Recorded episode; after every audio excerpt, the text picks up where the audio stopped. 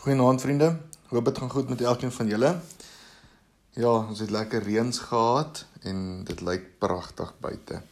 Vanaand se tema is 'n kruis op die toring.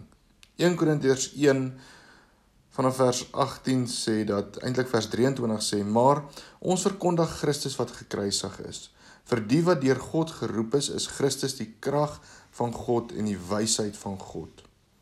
Die lughawe van die put van Pittsburgh is seker een van die grootste en die bes toegeruste lughawens in die land. Dit bring dat daar 'n groot lugverkeer na hierdie stad toe is. Slegs 2 minute se vliegtyd van die lughawe af en direk in lyn met hierdie met hierdie besigste met een van die besigste aanloopbane staan die Union Church met sy hoë kerktoring. Vandat die aanloopbaan daar geopen is, eh, vertel die dominee dat die die dreun van die vliegtye by die kerk die die vliegtye dreun by die kerktoring verby en dit klink kompleet soos 'n klomp bye om 'n byekorf. Sy eie woorde was it got so bad that low flying jets jets turned our Sunday evening service into sudden prayer meetings. Die kerkraad het bekommerd geraak omdat die kerktoring so hoog was en die vliegtye ter wille van landing so laag oor die toring ingekom het. En hulle was bang geweest dat van hierdie vliegtye dalk in hierdie toring kon vasvlieg en en skade veroorsaak het. Nou 'n 3 meter hoë neon neonligkruis word toe op hierdie kerktoring aangebring. Die kerk staan op die hoogste punt naby die lughawe. En dit het toe meegebring dat hierdie ligkruis snags van so ver as Ohio se grens af deur vleeniers raak gesien kan word.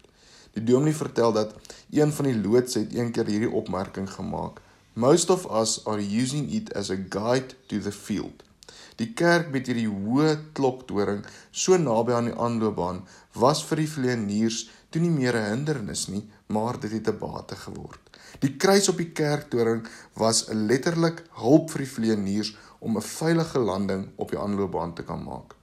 En so moet die kerk ook in 'n geestelike sin 'n seën wees vir mense om hulle veilige landing op 'n aanloopbaan van die ewigheid te maak.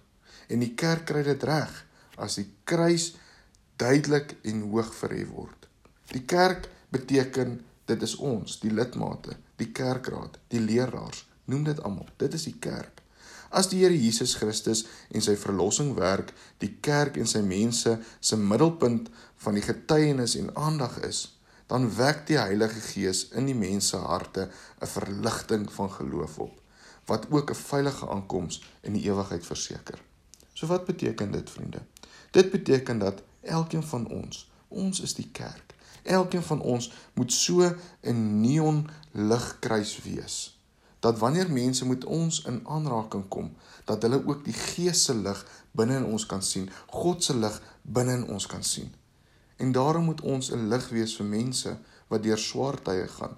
Maar ons moet ook 'n lig wees vir mense wat wat ander mense na die Here toe bring.